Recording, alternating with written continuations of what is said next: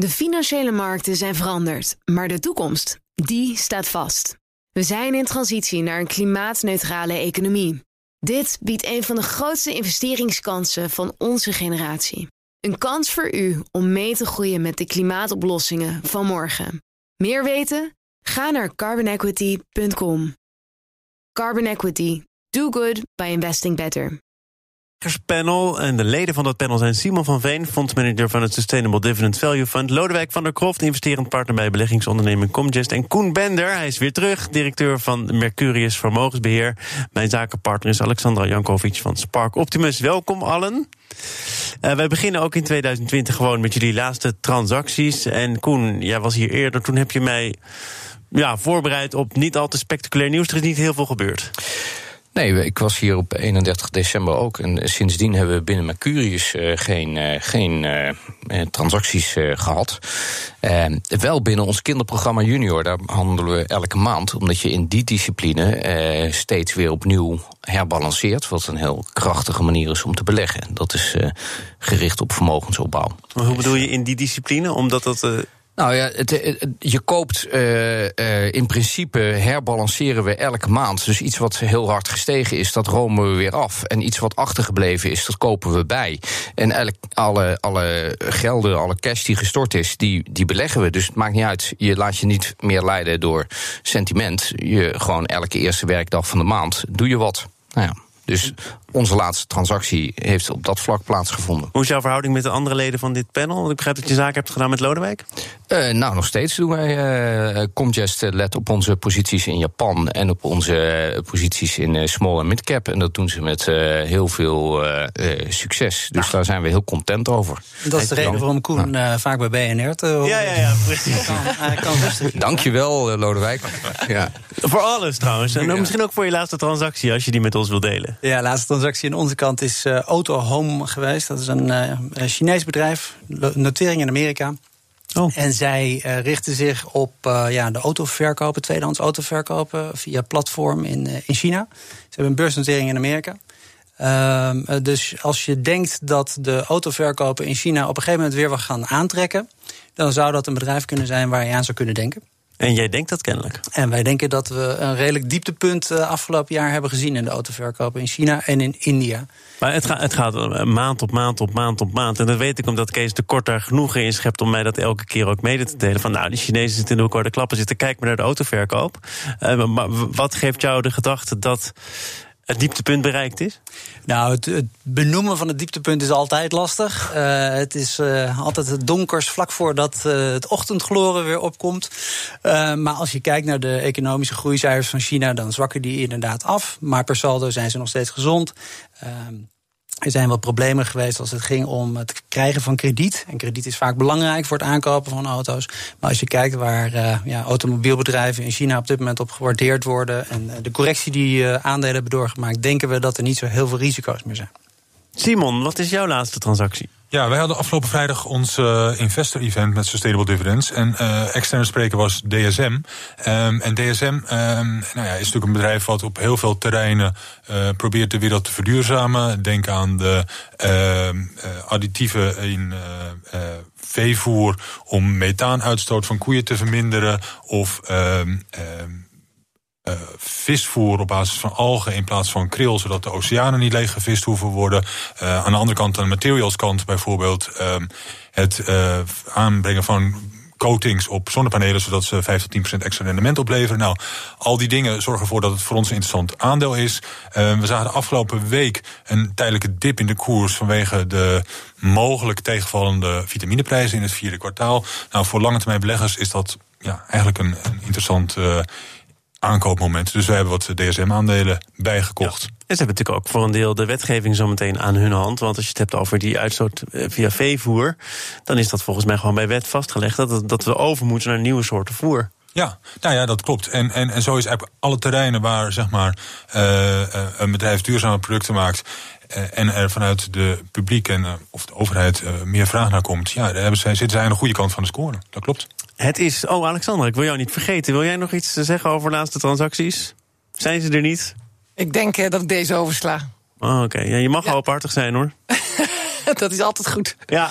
Nee, ik denk dat ik zo. Uh, ik vind dat uh, just eat takeaway. Oké, nee, maar daar, kom, daar komen we echt op. Ja. Dus uh, hou je kruid dan nog maar even droog. Ik wil er ook nog even melden dat het 14 januari is. 15 januari, dat is dus morgen. En dat is de dag dat China en de Verenigde Staten de fase 1-deal gaan ondertekenen. mogen we daar wonderen van verwachten, Simon? Um, nou, wat er gaat gebeuren is dat uh, Amerika wat bestaande tarieven verlaagt, nieuwe tarieven niet invoert. En, en uh, Chinezen doen net zoiets. En gaan daarnaast wat meer uh, producten van Amerika inkopen. Dat op zichzelf is positief. Maar ja, het is nog maar fase 1 en we weten niet precies hoeveel fases er nog gaan komen. Uh, er is dus heel veel ruimte om, om, om um, nog heel langzaam verder te onderhandelen. Ja, want zoals jij nu schetst, uh, kun je bijna afvragen: what took you so long? Waarom heb je daar nou zo lang over gedaan om dat te bereiken? Nou, dat is een hele terechte vraag, denk ik.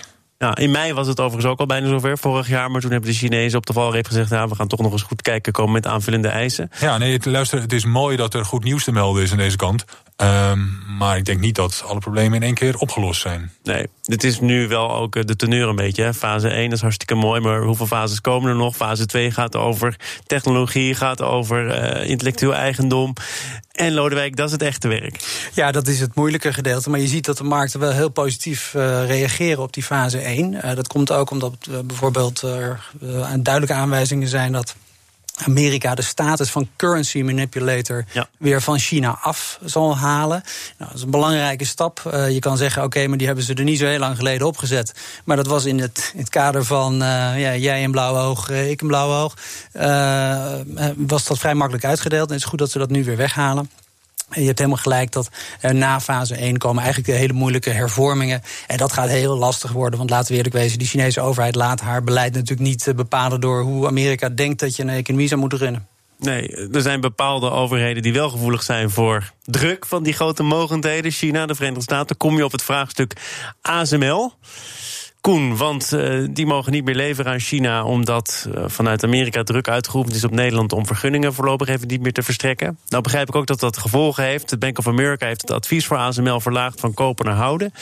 Hoe moet je hier als bedrijf nou mee omgaan?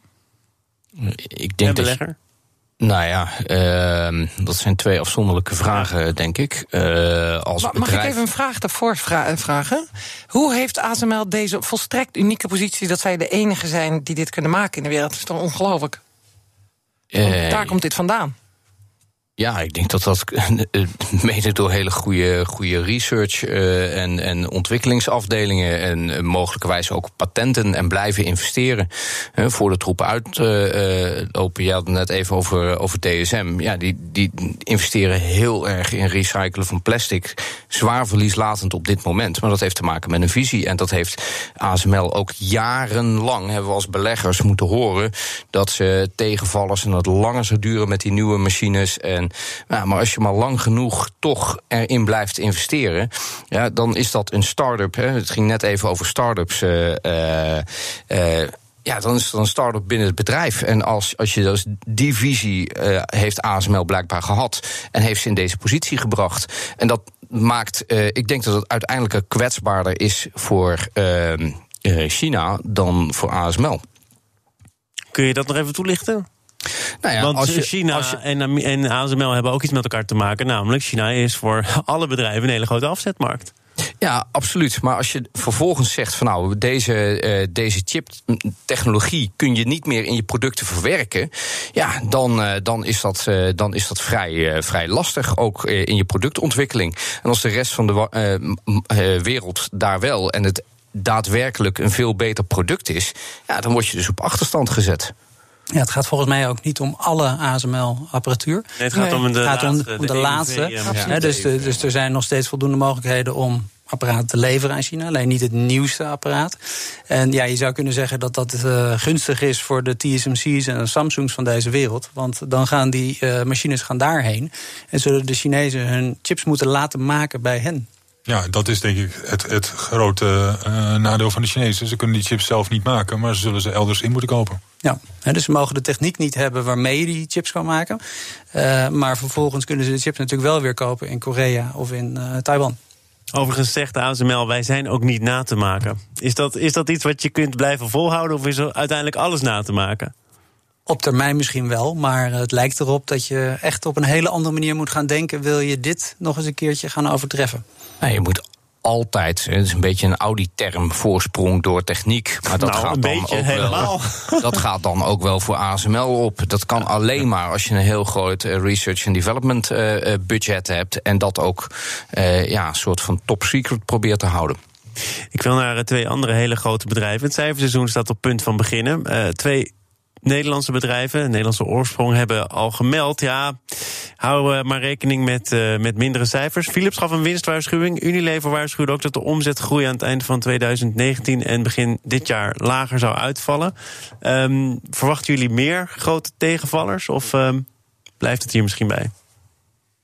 Nou, als ik eh, af mag trappen, eh, hè, wat, je, wat je natuurlijk ziet voor, voor Europa is dat we zijn het jaar begonnen met hele hoge verwachtingen. En gedurende het jaar zijn al die verwachtingen weer als sneeuw voor de zon eh, zijn verdwenen. Er is uiteindelijk van de nou, 8% winstgroei die er, eh 9% winstgroei die er aan het begin van het jaar werd verwacht voor dit jaar, is er nog maar 2% zo ongeveer over.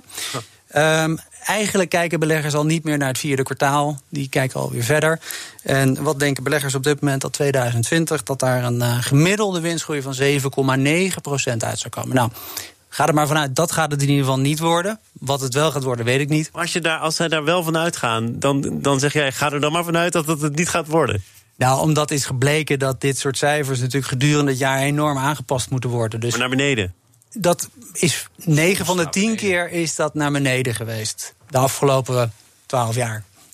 Ja, dus dat, eh, dat, eh, dat is echt wel eh, meestal gebeurd. En ja, het probleem is een beetje dat markten zijn enorm opgelopen. Moet je wel in de context zien van 2018. Maar de winsten zijn natuurlijk niet zo hard meegegroeid. En dat betekent dus dat de waarderingen behoorlijk zijn opgelopen. In 2018, dat is inmiddels bijna twee jaar geleden, maar toen was er een enorme steile daling. Hè? Ja, en laten we de lage rente niet vergeten. Hè. Ik bedoel, eh, als er een verrassing was in 2019, dan is het wel dat de Fed de rente niet verhoogde, maar verder verlaagde. Want dat is het scenario waar we 2019 allemaal op begonnen. En die lagere rente betekent gewoon dat je op een hele andere voet moet rekenen. En dan komen er hogere multiples uit. En dan kan het dus zo zijn dat je geen winstgroei hebt in dezelfde mate als dat koersen stijgen. En dus aandelen duurder worden. En dat is wat we gezien hebben. Zaken doen. Ja. Ja, er zit toch nog even een klein muziekje in. Oh. Ook al hebben we geen reclame meer. Maar gewoon jullie naam weer even te kunnen zeggen. Simon van Veen, Lodewijk van der Kroft en Koen Bender zijn hier samen met mijn zakenpartner Alexandra Jankovic. Simon, wat wilde je nog toevoegen? Nou, ik wilde, eh, het ging eventjes eh, kort over verwachtingen voor volgend jaar. Ik ben met Lodewijk eens dat dat eigenlijk belangrijker is dan wat er nog over het vierde kwartaal van het vorig jaar gerapporteerd gaat worden. Eh, verwachtingen voor 2020 denk ik dat we aan, aan de kostenkant rekening moeten houden dat veel bedrijven toch wel ja, te maken zullen krijgen met stijgende loonkosten. We zien, we zien inflatie op hoogst niveau in 17 jaar. En dat vertaalt zich in heel veel CEO's in toch stijgende, stijgende lonen. Ehm, Wordt voor dit jaar voor weer de- wat minder verwacht, Hans? nou ja, maar, maar dat, in de, in de, dat, dat kan een rol spelen. Grondstoffenprijzen eh, waarschijnlijk wat hoger. Eh olieprijs was vorig jaar laag en, en zie je nu weer wat, wat, wat hoger. Dus ehm, ja, de vraag is of bedrijven zeg maar, dat allemaal kunnen compenseren in de, in de prijs van hun producten. Dus je, zal als belegger op zoek moeten naar bedrijven met pricing power die hogere kosten ook kunnen doorberekenen in hun, eh, in hun productprijzen. We gaan, Alexandra, het zal jou plezieren naar eh, thuisbezorgd. Heeft de strijd om Just Eat gewonnen. Is ook met cijfers gekomen vandaag. Eh, enorme groei in Duitsland onder andere. Dat pik je er dan uit. Waar- waarom heb jij hier naar uitgekeken om het hierover te hebben, Alexandra? Ja, ik vind het geweldig. Eh, dit is ehm, een winner takes all model, zullen we maar zeggen. Dus het feit dat de Just Eat aandeelhouders hebben gekozen om met takeaway samen te gaan in plaats van met Prozus, is gewoon in het netwerkeffect wat je moet bereiken de juiste beslissing geweest. En dat gebeurt niet altijd. Ik vind Hoe bedoel je in het ontzettend- netwerk Ja, effect eh, dat je wil bereiken? die nou, juiste kijk, het gaat erom dat je eh, groot genoeg moet worden. Zodat je uiteindelijk, door dat effect krijg je steeds meer klanten. Die bestellen dan meer, en dan krijg je meer restaurants. Eh, en dan komt er een bepaald iets op gang, waardoor je steeds groter wordt. Daarnaast gaan dan je, kunnen je kosten omlaag. eh, omdat je dan bijvoorbeeld, dat hebben ze nu ook in Duitsland... eh, omdat ze daar nummer één zijn geworden... door een volstrekte focus op Duitsland te hebben... kunnen ze bijvoorbeeld 60 miljoen marketingkosten besparen. Omdat ze daar nu nummer één zijn. Dus ik... ik ik vind het ontzettend knap, ook van Jitse Groen moet ik zeggen. Om eh, nou, eerst Duitsland voor elkaar te krijgen. En nu deze deal. En dan ook nog, terwijl technisch Just Eat de meerderheid van de aandelen heeft, toch eh, 57, iets meer dan 57 procent, dat hij ook gewoon de CEO wordt. Weet je, beursnotering gaat naar Londen. Maar, Maar, maar daar ging het voor een deel om. Volgens mij waren er al aandeelhouders van Just Eat. En die zeiden: ja, we moeten hoe dan ook Jitse Groen hebben. Hij is zelfs benaderd als, als, eh, als, als CEO van Just Eat toen dit nog helemaal niet speelde, volgens mij. Hij moest het uit het slop gaan trekken. Ja. Dus het is ook een, een persoonlijke kwestie. Maar zoals Alexandra het nu voorstelt en spiegelt, eh, ja, had het eigenlijk nooit spannend moeten zijn. Want dit is een match made in heaven. Is dat ook zo? Eh, nou ja, om eh, daarop te reageren. Ik denk dat het een. We hebben het natuurlijk heel vaak hierover gehad, eh, Thomas, inmiddels. Ben je en- klaar mee? Nee, ik ben er op zich niet klaar mee. Ik, vind het, ik vind voor beleggers eh, eh, heel erg goed dat de combinatie beursgenoteerd blijft, waardoor de vruchten. eh, eh, geplukt kunnen worden door de zittende aandeelhouders van die synergie. En dat is denk ik ook het punt waar eh, het eh, volledig de plank is misgeslagen door Prozus. Door een eh, op een laag punt in de markt eh, een bod neer te leggen. Wat eigenlijk niet echt een blauwe. eh, Het was geen knock-out. Het was gewoon steeds een beetje hoger. Ehm, waarbij eh, het bedrijf naar de beurs, van de beurs af zou gaan. Dus je krijgt gewoon cash terug. En alle vruchten in de toekomst zijn niet meer voor de aandeelhouders. Ja, die verdwijnen ergens in de grote eh, organisatie van Prozus. Dat is het grote verschil, hè? Want En- daar ging het ook Ja. in de gesprekken die wij hebben gevoerd wel over. Een aanbod in cash of in aandelen. Dat is eigenlijk waar die twee zich ook in onderscheiden. Process. Absoluut. En eh, hè, een hele duidelijk puur bedrijf eh, in, in de combinatie die nu ontstaan is. En bij Prozus valt het weg in een groter geheel. En ja, mijn optiek is toch een beetje, als je kijkt naar Prozus, ja, eh, of eh, ze hebben een heel groot belang in Tencent, waar ze onwijze mazzel mee hebben gehad. Ja, eh, we vergeten even al die andere belangen die ze afschrijven... waar gigantisch veel geld bij moet. Hè. Dus de onderwaardering van een bedrijf als Prozus... komt ook uit het feit dat als je heel stil bent... dan hoor je gewoon het geld verbranden op andere plekken binnen het bedrijf. Ja, maar dat doe je dat- ze nou ja. een beetje tekort? Oh ja, eh, Lodewijk. Ja, ik denk dat, eh, dat dat een beetje een verkeerd beeld van de zaken is. Kijk, ze hebben onder andere posities in eh Mail.ru en eh, al dat soort zaken die ook gewoon beursgenoteerd zijn. Ze hebben in Flipkart hadden ze een belang wat doorverkocht is aan Walmart voor veel geld. Die er ook wel Dus- afgeschreven op hebben. Dus eh, oké, maar ze zijn er vanaf. Ja, ja, hè? ze Ze zijn zijn er vanaf vanaf, voordat ja, het. Dus eh, om nou helemaal eh Proces af te schrijven. De vorige keer dat we het er hierover hadden, zei ik van ja, uiteindelijk denk ik dat Proces te, te doen is om iFood in eh, Brazilië. Ja. En eh, dat is een activiteit die natuurlijk helemaal niet past in het netwerk wat, wat jij zojuist beschreef. Eh, want ja, dat staat heel ver weg van al die activiteiten hier in Europa. Dus ik denk dat. eh, en dat, daarom ging volgens mij de koers van Proces ook omhoog. Eh, het is allemaal niet zo heel erg dat het, dat het aan hun neus voorbij is gegaan, deze deal. Simon, gaat ja, deze hele het- discussie aan jou zou- neus voorbij? het- nou, nee hoor. Wij hebben het inderdaad ook meerdere keer over gehad. Ja, En ik, ik laatste keer. Dat in oktober dat ik een keer gezegd heb van goh, degene met de diepste zakken wint. Nou, dat is niet gebeurd. eh, eh, hè, eh, dus takeaway is gelukt om, om zeg maar, de aanhouders te overtuigen van de synergievoordelen. Dus gefeliciteerd daarmee. Ehm, eh, ik denk dat Proces wellicht eh, nog steeds aast op eh, het deel van iFood wat ze, wat ze niet hebben. En eh, misschien dat daar gewoon in eh, vriendelijke onderhandelingen met eh, de Just Eat Takeaway combinatie alsnog een deal uit zou kunnen komen. Ik wil het eh, tot slot, ik weet niet of dat al een keer in dit gezelschap ter sprake is gekomen, hebben over cm.com. Wel een beursgang, geen beursgang. Nu is er iets wat eh, daar enigszins op lijkt. Want ze nemen de positie in over van investeerders achter Dutch Star Companies One. Voor de leek, die misschien toch ook luistert. Lode- Lodewijk, wat gebeurt er dan? Ja, het komt erop neer dat uh, zij nemen een instrument over wat ooit is opgericht met het idee om uh, geld in te zamelen. Dat hebben ze gedaan. En vervolgens een goed idee te gaan vinden om over te nemen. Ja. Dat is een paar jaar geleden is dat door een aantal uh, bekende mensen uit het uh, Nederlands financieel stelsel is dat bedacht. En die hebben denk ik twee jaar lang uh, met een zak met geld gezeten. En ja, vervolgens kwam er een mogelijkheid om ja, deze organisatie, dit bedrijf te helpen Ja. aan een beursnotering. Nou, eh, ging het FD nog even na eh, waar dat geld dan ingestoken zou worden. Namelijk in een investering in industrie, landbouw, maritiem, groothandel, logistiek of slimme productie. Wat eh, doet vermoeden dat ze toch een beetje haast kregen en dat geld moest op. Want Zie, ik hoor in ieder geval het woord slim. Ik hoor het woord slim, dus dat. eh, Nee, of zijn ze iets te ver van huis, wat jou betreft, Koen? Nou ja, uh, maakt het niet uit? Nee, ik denk dat het in deze niet zo heel veel uit gaat maakt. Uh, er zijn twee partijen die geholpen zijn. Het is natuurlijk een zwak, uh, ja, niet echt heel erg sterk. Als je, als je twee jaar lang aan het zoeken bent en niks, niks vindt, dan kan je ook zeggen van ja, we, we kijken heel zorgvuldig en de kansen komen niet langs. Maar ja, dat, dat kan natuurlijk ook niet maar blijven duren. Dus misschien dat ze ergens daarin druk hebben gehad.